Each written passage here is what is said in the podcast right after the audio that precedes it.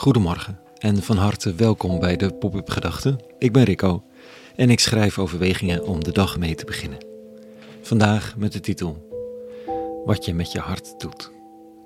Pop-up Gedachten dinsdag 6 juni 2023.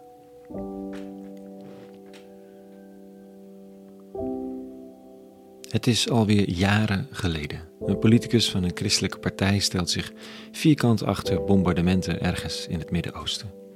Hij beroept zich op de theoloog Bonhoeffer, die ook in zijn tijd meende dat een geweldsdaad, namelijk een aanslag op Hitler, het goede was om te doen. Hij werkte actief mee aan die aanslag, die overigens mislukte. Wat in zichzelf natuurlijk al een dilemma oplevert, een beetje afhankelijk van je geloofsovertuigingen. Was het toeval dat hij mislukte? Was het toch niet gezegend? Was het wel gezegend, maar kan de eeuwige ook niet alles? In dit geval was de poging tot aanslag een argument voor deze politicus om de bombardementen te zegenen. Het was een aantal jaar na 9-11. Ik was vooral geraakt door de godsdienstoorlogachtige retoriek van die tijd. Het kwaad moest uitgeroeid, wij tegen zij. Terroristen die zeiden dat het Westen tegen de islam was en het wilde vernietigen en het Westen die niet heel veel moeite leek te doen om dat beeld te bestrijden. Moeilijke tijden.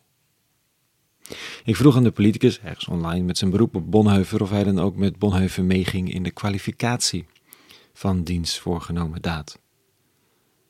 Bonhoeffer zelf meende dat hij, zogezegd, een zonde aan het begaan was. Een noodzakelijke weliswaar, maar toch.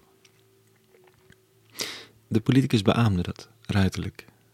Hij zei dat het nooit een goddelijke bedoeling kan zijn om met bommen te gooien.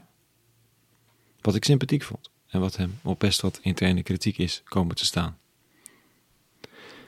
Het belangrijkste is dat de tegenstellingen wegvielen tussen onze standpunten, terwijl we over de uitvoering misschien van mening verschilden.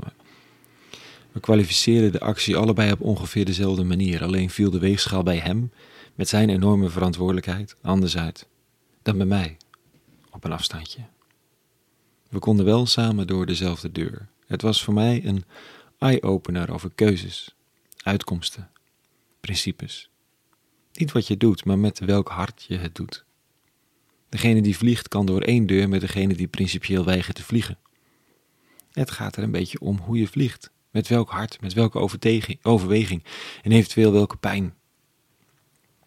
Moet je dan huilend om het kapotgaan van de wereld de tijd in je vliegtuigstoel doorbrengen om maar te tonen waar je hart zit? Mm, je hoeft het niet te bewijzen. Je weet zoiets pas als je het vraagt.